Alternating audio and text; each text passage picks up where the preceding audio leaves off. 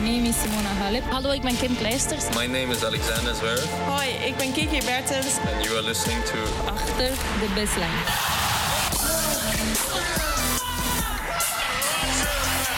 Your champion, Novak Djokovic. Dit is Achter de Baseline. Vanuit Flushing Meadows. Met Abe Kuil en David Avakian.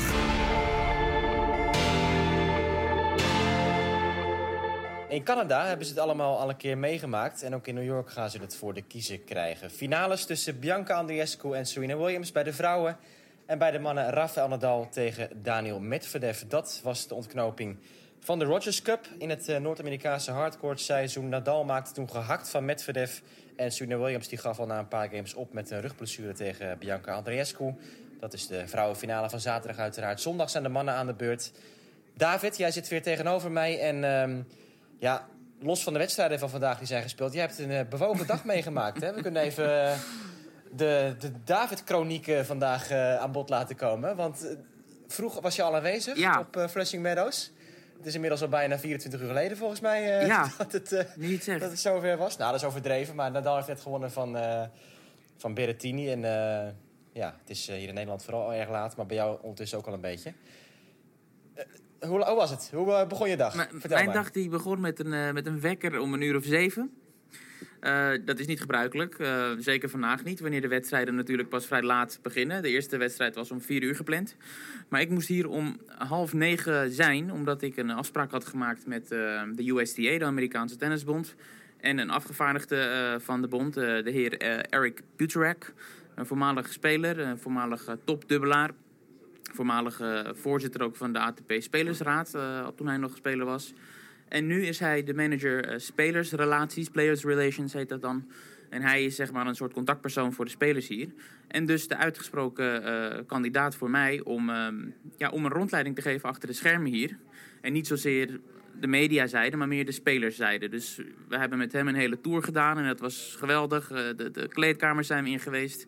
Eh, de, de gym zijn we in geweest. De, de dutjesruimte zijn we in geweest. Ehm, en, en alle faciliteiten, het restaurant, noem maar op.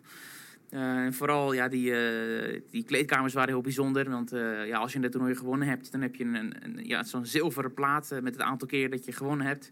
En eh, Djokovic en ehm, Djokovic had een eigen hoekje, maar Nadal en Del Potro bijvoorbeeld, die hadden twee lokkers die aan elkaar vastzitten. Dus als zij er samen spelen, dan eh, zijn ze samen. Federer en Wawrinka hebben ook lokkers die eh, aan elkaar vastzitten. Dus dat was, was leuk om, eh, om het van die kant te zien. En de luisteraars kunnen het ook bekijken, want het staat op de website van Eurosport.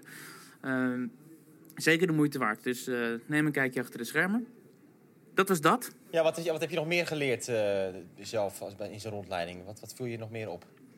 Nou ja, er zijn wat vernieuwingen geweest. Dus kennelijk, bijvoorbeeld buiten heb je dan de, de Players Garden, wat, wat elk Grand Slam heeft. Maar dan hebben ze vorig jaar hebben ze daaraan toegevoegd een openlucht eh warming-up area. En dat is dan een, een, zo'n apart eh, vak, ja, zo om, omheind. En dan is daar de ondergrond is dezelfde ondergrond als de baan hier. Zodat als ze daar dus de warming-up doen, ja, zeg maar dat gevoel al te pakken krijgen. En dat was dan bedoeld om ja, zo, zo goed mogelijk de wedstrijdomstandigheden na te bootsen. Eh, dat was iets nieuws. Ja, dat, die slaapruimtes was natuurlijk eh, bizar. Dan heb je van die, van die lichtstoelen, van die massagestoelen.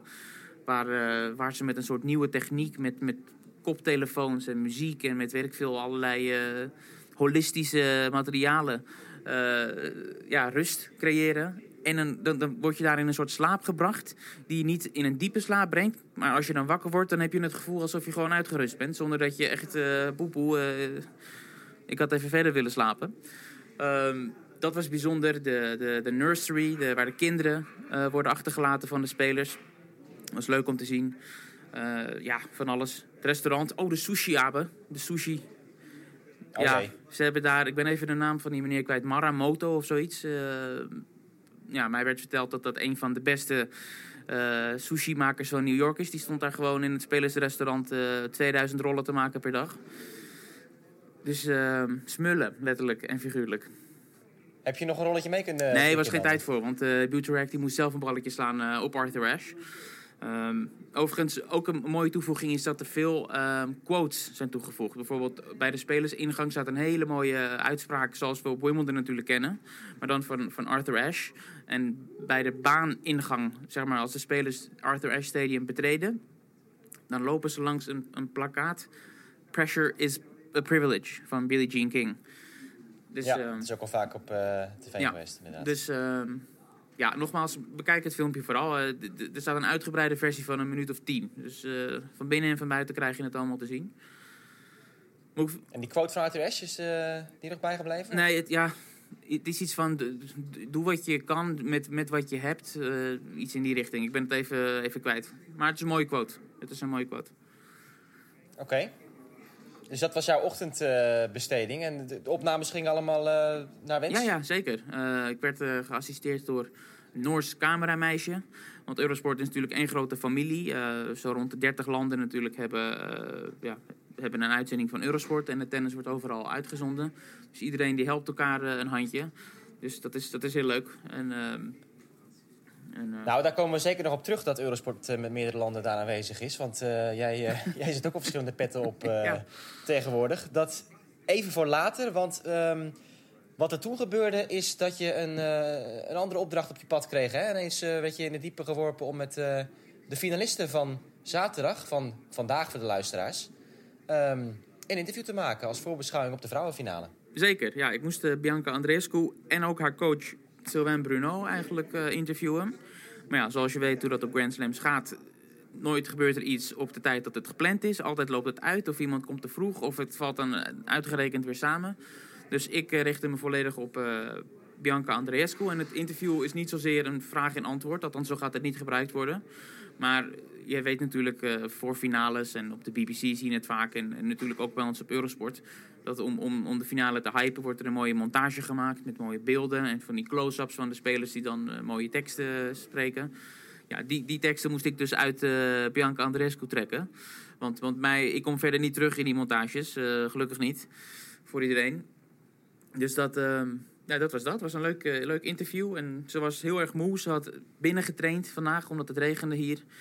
Ehm, maar ja, ze deed het eh, hartstikke professioneel. En ze, en, en ze noemde zelf, dat vond ik misschien wel het mooiste moment... Het, ze noemde zelf dus het feit dat, dat zij hier in de finale staat... terwijl Serena in 99 haar eerste Grand Slam won... toen zij dus nog niet geboren was. Dus daar was ze van op de hoogte. En dat is toch, toch een, ja, een bizar feit. Heeft ze er veel vertrouwen in? Nou ja, zij straalt natuurlijk heel veel vertrouwen uit, eh, sowieso. Ehm, dat, dat, dat, ja, dat doet ze ook niet moeilijk over, dat geeft ze eerlijk toe. Eh, dat pressure is a privilege, dat is haar echt op het eh, lijf geschreven, kunnen we zeggen. Dus ehm, ja, ze hoopt dat Serena, althans ze verwacht dat Serena haar A-game gaat brengen, heeft ze een paar keer nu gezegd. En ze verwacht hetzelfde van zichzelf. Ehm, ja, wat we daarover kunnen zeggen misschien, is dat dat nog niet gebeurd is, hè, dat A-game van haar. Of weet jij van wel? Van, van eh, Bianca? Van Bianca. Ik heb haar nog niet. Ik, ik heb haar op Indian Wells natuurlijk van dichtbij gezien.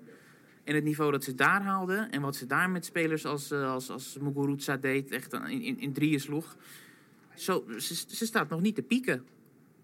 Nee, maar ze haalt haar mentale E-game. Want ze Ja. weet precies wanneer ze de punten moet winnen. En dan doet ze dat ook. En eh, inderdaad, zijn fases waarin de service niet draait. Hè. Dubbele fouten komen regelmatig terug in haar spel. Ehm, maar het is, ja, het, is, het deed me een beetje denken ook aan Medvedev vandaag. Ja. Dat was ook niet de E-game van Medvedev. Eh, maar, en Dimitrov was eigenlijk, als je gemiddeld genomen die drie sets bekijkt... was Dimitrov, de, nou ja, de eerste twee sets, laten we het daarop houden... was Dimitrov gewoon de betere speler. Maar die doet het niet wanneer het moet. En Medvedev, die is... eh, ja, die, die kan ook niet meer verliezen. Dat, het zijn wel parallellen tussen die twee, tussen Medvedev Ja. en, uh, en Andriescu. Ehm, over Medvedev komen we later nog wat te spreken over het niet kunnen verliezen. Daar maakt hij nog een grappige opmerking over. Ehm, wat Andreescu aangaat, eh, om, om, om toch in die hoek te blijven. Zowel zij als Medvedev hebben... Je vertrouwt gewoon dat ze gaan winnen. Het is gewoon een soort... Ja. hè? Ook als het niet goed gaat, je, je, je verwacht gewoon dat het op een of andere manier wel goed komt eh, voor die twee. En dat is... Ja, dat komt toch een beetje uit de lucht vallen. Dat zijn twee nieuwelingen. Ze hebben helemaal geen jarenlange track record van, eh, hè, van, van, van zulke prestaties. Dus ik, dit is echt een nieuwe ontwikkeling in de tennis. Ik kan me, ik kan me Nou, het, het, Hè? Kan jij, kan jij, kan Nee. jij eens ook een nieuweling eh, herinneren die, die zeg maar zo op het toneel verscheen en ineens zo, eh, ja, zo on- ongenaakbaar bijna bleven? Nou ja, kijk, dat Andriescu nog nooit van een top 10 speelster heeft gewonnen... dat is, dat is volgens mij... Ik, ik zou niet weten welke speler Nee. dat ooit heeft gedaan in de tennisgeschiedenis. Dus de- in dat opzicht is ze gewoon al eh, volgens mij ongeëvenaard. En ehm, eh, wat wilde ik nog zeggen? Ja, de, de opkomst die zo snel komt, dat was leuk met, met Pam Shriver... eh, in het onkort interview van eh Andriescu na de wedstrijd die ze won van eh Bencic. En ze zei ook van ja, volgens mij een jaar geleden, ik wist niet eens wie je was. en, en zo was het natuurlijk ook. Want ze- zij was toen een, een, een speelster die in de kwalificaties begon. Eerste kwalificatieronde speelde ze toen notabene tegen Querine Lemoine volgens mij vorig jaar in, in New York. En ja, zeker een teenager die natuurlijk gewoon elke week nu dat ze speelt zo'n hoog niveau haalt. Dat maakt het nog extra knap. Dat je, jij zegt, je, je verwacht dat ze niet gaat verliezen. Maar dat is een meisje van 19.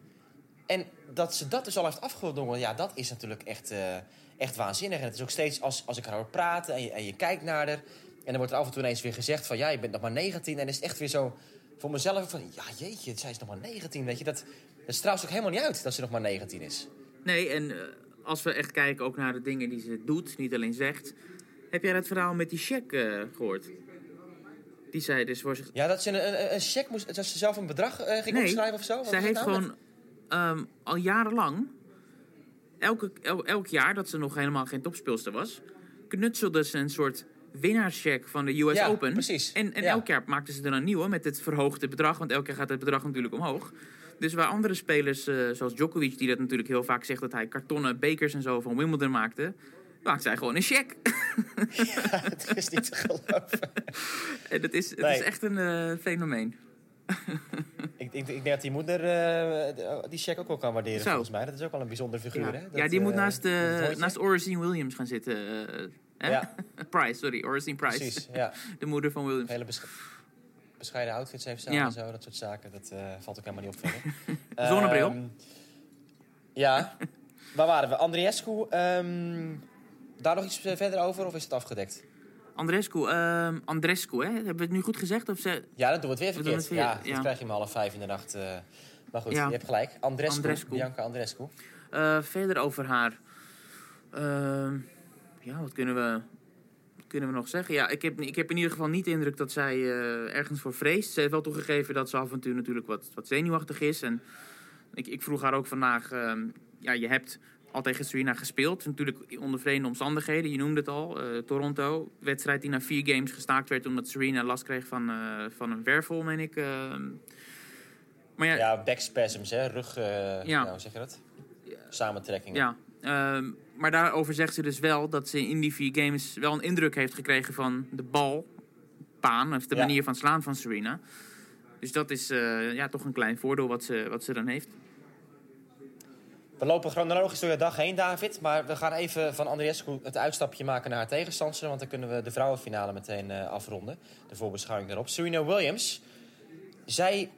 Ik lees natuurlijk alleen die transcripts maar van eh, de interviews. Maar zij vertelt dus dat ze eigenlijk heel ehm, ja, rustig die finale ingaat. Hè? Gewoon, eh, ik sta goed met vertrouwen te spelen. Ik maak hem niet meer drukker over. En ehm, laat maar komen, die, die boel. Ja, precies. En dat is in zekere zin wel logisch. Want als we kijken naar die voorgaande finales die ze dus wel eh, bereikte. Vier uit de zes laatste Grand Slams hè, bereikte Serena de finale. Te gek voor woorden. Maar wat we daar dus steeds terug zagen is dat ze, dat ze ja, stresste. Hè? Dat, ze, dat ze door zenuwen in elkaar klapte. Of in, ieder geval niet haar, haar niveau haalde. En dat lijkt zij nu te herkennen, heel goed. En, en ja, zichzelf te dwingen om, eh, om, om het rustiger aan te doen. En nu kan ik hierop toevoegen dat ik tijdens die rondleiding vanochtend even vroeg van ja, wie, wie maakt er nou gebruik van zo'n eh, dutjesruimte? En Serena is eh, vaste klant. Die komt elke dag eh, een dutje doen. Nou, lekker dan. Oké.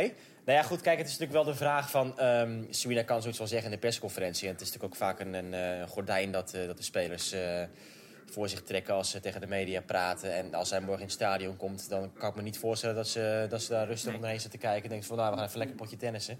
Daar komen natuurlijk allerlei andere gevoelens weer bij. Zeker met die emoties van vorig jaar misschien die eh, weer een rol spelen naar haar hoofd... Eh, alle bijzondere Ja. momenten die, eh, die ze heeft meegemaakt, ook qua controversies natuurlijk bij de US Open. Dat zit ergens toch in die gedachten van Serena. Want die kwamen vorig jaar ook allemaal terug toen het eventjes misging met Carlos Ramos. Hè, ik word zo vaak benadeeld, al die verhalen.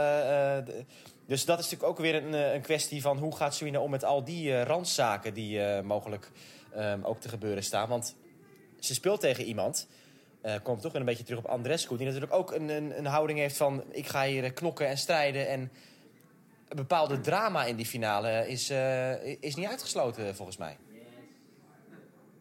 Nee, daar kunnen we wel van op aan dat daar flink tekeer gegaan zal worden. Ik verwacht ook een, een vrij vocale Serena op een gegeven moment. En ze zal het toch echt eh, nu voor, voor eigen publiek willen doen. En ik moet ook nog wel eens terugdenken aan 2016 natuurlijk, toen ze voor vier slams op rij ging. En toen in de halve finale uiteindelijk verloor van eh, Roberta Vinci en de druk die er toen was. Ehm, ja, dat, die druk die, die blijft er tot op zekere hoogte 15 was dat eh. volgens mij. 15, sorry. 16 verloor ze van Pliskova, hè, halve. Zeg dat goed? Ja. Ehm, ja, en, en in die persconferenties, ja, Serena die zegt gewoon niet, niet altijd wat ze, wat ze denkt. Dat is overduidelijk en ze, ze, ze, ze, ze, ze duikt regelmatig ook op de vraag die letterlijk gesteld werd van... Ja, zit je nog wel eens ehm, terug te denken aan die finale van vorig jaar? Dus wat jij net ook eh, aanstipte, wat er toen allemaal gebeurde. Dus nou nee, heb ik eigenlijk helemaal niet over nagedacht. dat is natuurlijk larikoek. Ja, maar goed, er kwam, er kwam ook een, een vraag eerder in het toernooi van eh, een of andere vraag over Carlos Ramos. En toen zei Serena gewoon doodleuk van, I don't know hoe dat is. Ja, kom op nou. eh, dat, dat, dat, dat vond ik een beetje eh, te ver. Dat vind, dat vind ik gewoon respectloos. Nou ja, ze, ze, Dat, dat vond ik niet kunnen. Zeker ook omdat er een dag voordat het toernooi begon natuurlijk een uitgebreide documentaire op, eh, op ESPN en op een andere zender werd uitgezonden. ehm, dat daarover ging. En waarin haar eigen coach Patrick Muratoglu een hoofdrol vervulde en doodleuk, doodleuk vertelde dat, dat die finale en die chaos het mooiste moment voor tennis was in de afgelopen tien jaar. Over Patrick trouwens nog een, nog een klein dingetje. Ehm, hem werd dus ook eh, in een persconferentie gevraagd. Want coaches hebben tegenwoordig ook persconferenties. eh, aan de vrouwenzijde van, eh, van het toernooi. En hij zei ook gewoon: als ik het weer voel dat ik het moet doen, coachen. Wat dus vorig jaar tot al die ellende leidde. Zou ik het gewoon weer doen. Nou ja, dat tot daaraan toe. Maar Serena werd natuurlijk geconfronteerd met die opmerking. Waarop Serena zei: Ja, dat, dat kan niet. Dat kan hij beter niet eh, tegen mij zeggen. En hij was vast een grap met jullie aan het uithalen. Maar ik denk het niet.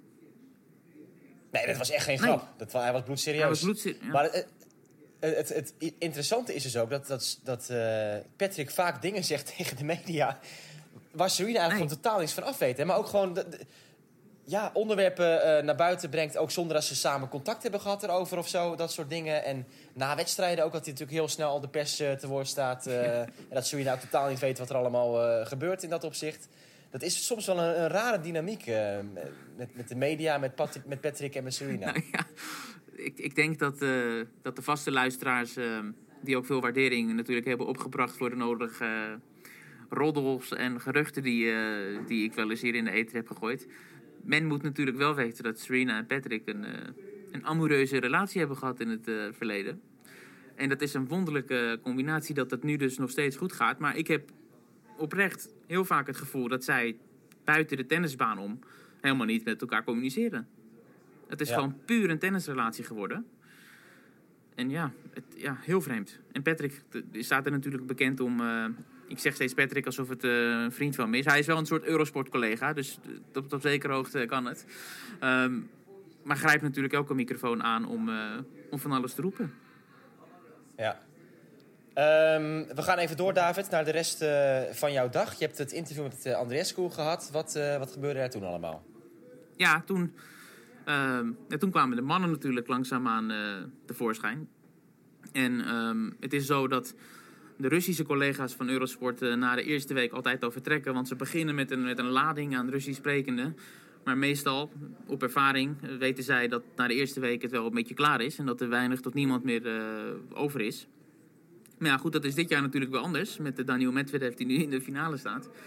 Dus idealiter ehm, interviewt Eurosport de spelers die in het toernooi zitten in de eigen taal. Zoals wij met Kiki natuurlijk altijd doen.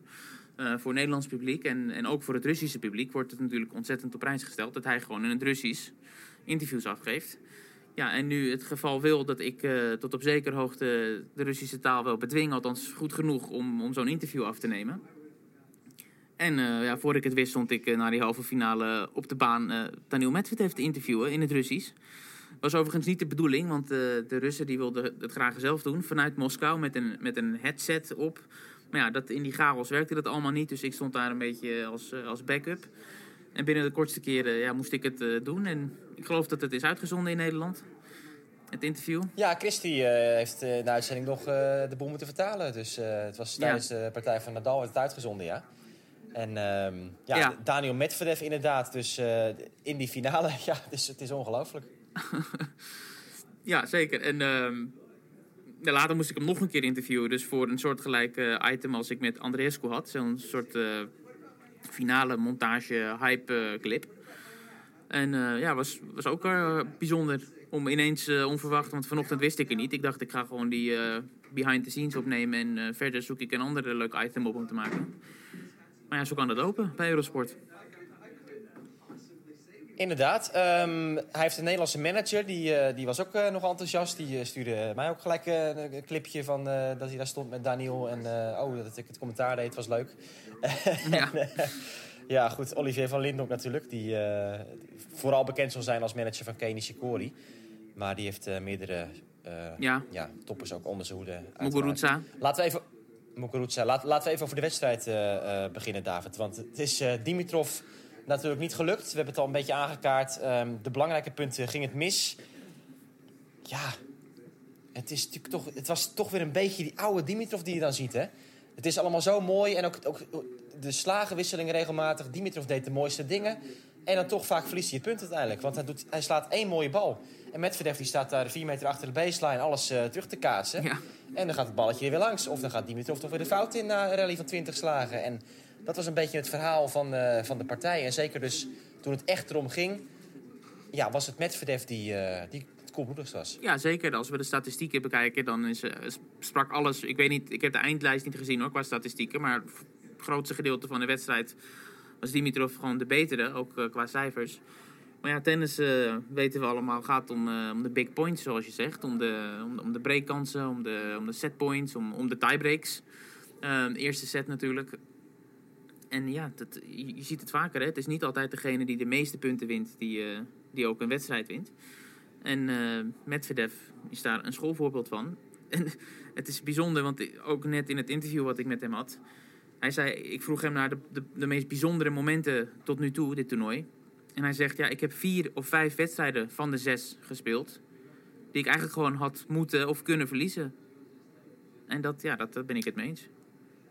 Absoluut. We hebben ook wel gezien dat die extra rustdag die hij heeft eh, gehad eh in aanloop naar deze partij heel belangrijk voor hem is geweest. Dat zei hij al in het interview voordat hij de baan opliep. eh, het ESPN-interview in de tunnel. En dan gaf aan, ja, ik voel me nu gewoon weer echt helemaal hersteld eigenlijk. En ehm, we hebben ook niet echt dat soort problemen gezien bij hem. Hè? Zoals in zijn andere wedstrijden, dat hij op een gegeven moment toch ergens tegenaan liep op fysiek vlak. Ik weet niet of hij daar tegen jou nog iets over zei na afloop. Nou ja, hij zei meteen op de baan, het, het antwoord op de eerste vraag ehm, was... Ja, ik, ik had weer na de eerste set het gevoel dat ik de wedstrijd niet uit zou kunnen spelen, zei hij. Maar op een of andere manier vindt hij dan de kracht ergens eh, vandaan om, eh, om, om dat toch eruit te slepen. En, en later ook eh, benoemde hij weer die energie die hij krijgt van het publiek en die, die, die veel besproken elektrische sfeer die, die er heerst. Dus het, het, is een, het is een ontzettend knappe prestatie, een fysieke prestatie ook. Ik kan me voorstellen dat hij na, na dit toernooi even de stekker eruit trekt. Wat er ook gebeurt. Ik kan me ook voorstellen dat het over twee dagen een eh, iets te grote uitdaging voor, het, voor hem gaat worden. Om dan nu na al die overlevingstochten Ja. tegen Rafael Nadal het toernooi eh, te moeten zien te winnen. Ja, dat, dat lijkt me bijna niet te doen. Eh, we weten ook nog dat Nadal deze zomer gehakt maakte van Medvedev. Verloor met drie games in de finale in Montreal. Nadal was echt weer... ja, het was even spannend in de eerste set tegen Berrettini. Maar hij had constant kansen die hij niet kon maken. En daardoor ja, werd het een beetje een, eh, zenuwachtige bedoeling nog het eind van de set. Eh Berrettini kwam notabene 4-0 voor in de tiebreak. Een tiebreak waarin Nadal begon met een dubbele fout. Maar ja, eh, hij beet zich vast in de tiebreak. Berrettini miste een paar ballen op, een belangrijk, op belangrijke punten aan het eind... dat Nadal toch nog met die tiebreak aan de haal ging. Een set van 1 uur en 13 minuten ging zo de kant op van de Spanjaard. En dat maakte hem natuurlijk wat losser. Zeker toen hij voor het eerst wist te breken vroeg in de tweede set. gaf hij ook aan in het interview na afloop op de baan. Ja, dat zorgde ervoor dat hij eh, meer eh, with calm kon spelen. hè, zoals Nadal het altijd zo mooi uh, kan zeggen Ja. in het Engels. en aan het eind was, het, eh, was, het helemaal, was hij helemaal los. En vlogen de winnaars links en rechts om de oren heen van de arme Matteo Berrettini. Ja, ik heb die wedstrijd niet echt kunnen volgen, want ik stond op dat moment in de catacombe af te wachten totdat ik Medvedev kon interviewen. Maar de deur naar de baan stond open, dus ik heb die wedstrijd gehoord, niet gezien. En dat is een bijzondere ervaring op zich, zeker met Nadal op de baan natuurlijk, met, eh, ja, met misschien wel de beroemdste kreun in het tennis. Ehm, en het publiek dat uit, eh, uit zijn dak ging en toch grotendeels wel achter eh, Nadal stond, had ik de indruk. Dus ja, ja, verwacht. Ik vind het wel leuk dat, ehm, dat nu de beide halve finales, ook al waren het geen vijfzetters, wel echte duels waren. Hè. Het is niet dat er iemand niet kwam opdagen. Iedereen heeft gewoon goed gepresteerd. Geen blow-out wedstrijden. Dus ik denk dat iedereen, eh, iedereen het naar zijn zin heeft gehad. Ja, je zegt iedereen heeft goed gepresteerd. Ik vond het niveau van Medvedev Dimitrov over het algemeen niet echt eh, om, eh, om over naar huis te schrijven. Het was, eh, nou, maar de setstand, het was close. Niet, niet de schoonheidsprijs. Nee, Ja. dat wel, natuurlijk. Het was, het was een gevecht. Maar je merkte wel, de, de sfeer was mat in die Ja. wedstrijd ook. Bij eh, Dimitrov en Medvedev. En dat kwam echt pas los toen, eh, toen Rafa eh, op de baan verscheen. En ook omdat Berrettini dus echt met die specta- spectaculaire punten natuurlijk vaak kwam. Met die service, met die forehands. Mensen waren toch... ja, ze werden ook echt een beetje wakker van... hé, hey, die gozer kan echt goed tennissen. En die maakte een wedstrijd van hier tegen Rafa. En toen bleef het toch heel elektrisch, zeg maar. Hè, zoals dat dan gezegd wordt daar in het Arthur Stadium. Ja, het is gewoon, hij heeft gewoon star power natuurlijk, Berrettini. En hij deinst niet terug voor, eh, voor zulke podia. En, ja, ik kijk er ontzettend eh, naar uit wat hij eh, zal kunnen brengen nog in de toekomst. En ja, hij zal nu ook een flinke stijging op de wereldranglijst maken, kan ik me voorstellen. Dus het is een blijver, vermoed ik. Ehm, ik vind het nog wel leuk om even te vertellen dat eh Berrettini voorafgaand aan die partij tegen Nadal een vraag kreeg over wat zijn vroegste herinneringen waren van, van Rafa. En toen zei hij, ja, ik weet nog dat hij tegen Coria speelde, finale in Rome. En toen ging hij vertellen van, dat weet ik nog goed, want ik was jong. En dat kwam toen op, eh, op een, eh, een eh, kinderzender, een Cartoon Network, zeg maar. En dat was zes uur lang op tv. En ik zat te kijken. Ik dacht van, ja, zes uur tennis op tv. Wat is dit nou? Ik, wil ik wil mijn tekenfilms zien. maar hij werd helemaal wel ge- gepakt door die wedstrijd. En dat was een belangrijke reden waardoor hij ook ehm, interesse kreeg in tennis. En nou ja, ook op, eh, in zijn klas en zo. Andere kinderen die, die zagen dus eigenlijk per toeval die tenniswedstrijd tussen Nadal en, eh en Coria.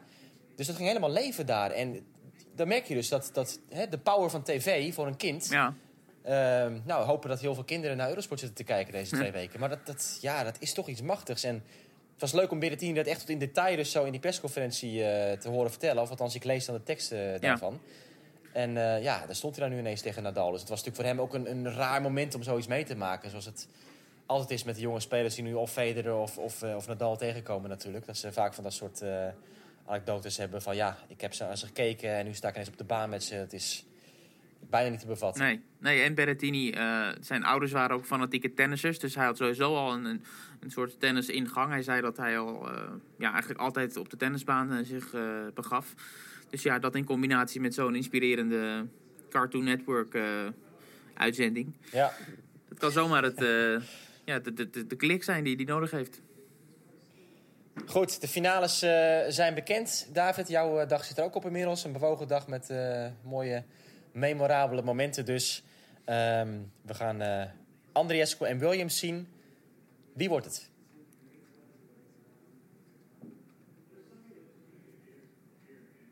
Je viel weg.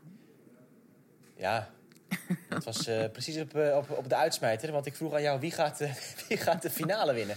Bianca Andriescu of Serena Williams? Serena Williams. Jij? Waarom wint ze nu wel? Waarom wint ze nu wel? Ik denk dat ze daadwerkelijk eh, er beter voor staat dan in voorgaande toernooien. Zowel qua fitness, zowel qua, qua rust en zowel qua oppermacht zeg maar, in meerdere wedstrijden. Niet, niet in een enkele wedstrijd tijdens het toernooi, maar ze is eigenlijk... Ja, niemand is in de buurt geweest, denk ik, om Serena echt een, eh, ja, tot, tot, tot het uiterste te dwingen. Eh, en Andres... Katie McNally. Ja, oké, die het is één wedstrijd. Maar dat was derde, Maar wat was- zij daar in de derde set, was Serena natuurlijk weer helemaal terug. Ehm, En Andrescu, zoals gezegd, ik zal het nog een keer eh, herhalen, heeft volgens mij gewoon niet haar allerhoogste niveau gehaald. En ik weet niet of zij daarmee wegkomt tegen Serena om, om die dubbele fouten te slaan. Om, eh, om af en toe een paar games gewoon uit te checken. Dat kan funest zijn. Dus op basis daarvan. Ik weet niet of jij... eh, Normaal gesproken, zou ik, normaal gesproken zou ik zeggen... een, eh, een tienermeisje voor het eerst in de Grand Slam finale tegen Serena Williams... is op, op voorbaat al bijna kansloos. Nou, we hebben vorig jaar Osaka gezien. Die was natuurlijk net geen tiener meer. Maar die liet zien dat het wel degelijk kan. En bij haar had je toch waarschijnlijk nog wel meer het gevoel dan, An- dan Andrescu van... eh, oh ja, dit is zo'n bescheiden meisje. eh, die kan heel goed bevangen eh, raken door spanning, denk ik, in zo'n scenario. Bleef opvallend rustig. Ik denk dat Andrescu ook ehm, in dat opzicht gewoon goed voor de dag zou komen. Die zal het gewoon fantastisch vinden om, denk ik, een finale tegen Serena te kunnen spelen. Maar ik denk ook wel dat Serena gewoon op kwaliteit het gaat winnen. Ze is gewoon fit, ze is gedreven, ze is tot op zekere hoogte ontspannen. En ehm, ja, ze, zal, ze kan natuurlijk van zichzelf verliezen. Als ze weer zelf Serena eh, hè, weer zelf in die spanning schiet... ja, dan zal Andriescu daar denk ik eh, van kunnen profiteren. Maar het is wat mij betreft gewoon op voorhand al, hè, voordat de US Open begon, spraken we al erover. Dit zou volgens mij de droom, volgens onze droomfinale zijn. Die gaan we krijgen. Dus het wordt denk ik gewoon genieten. Absoluut. Dus, we gaan er naar kijken. We gaan eh na afloop weer die partij nabespreken. En we gaan ook nog uitgebreid voorbeschouwen op de mannenfinale. We kunnen nu al zeggen dat jij nog een leuk segmentje hebt gemaakt met Alex Correccia over Rafael Nadal. Dus dat komt er allemaal aan in de volgende aflevering van Achter de Baseline.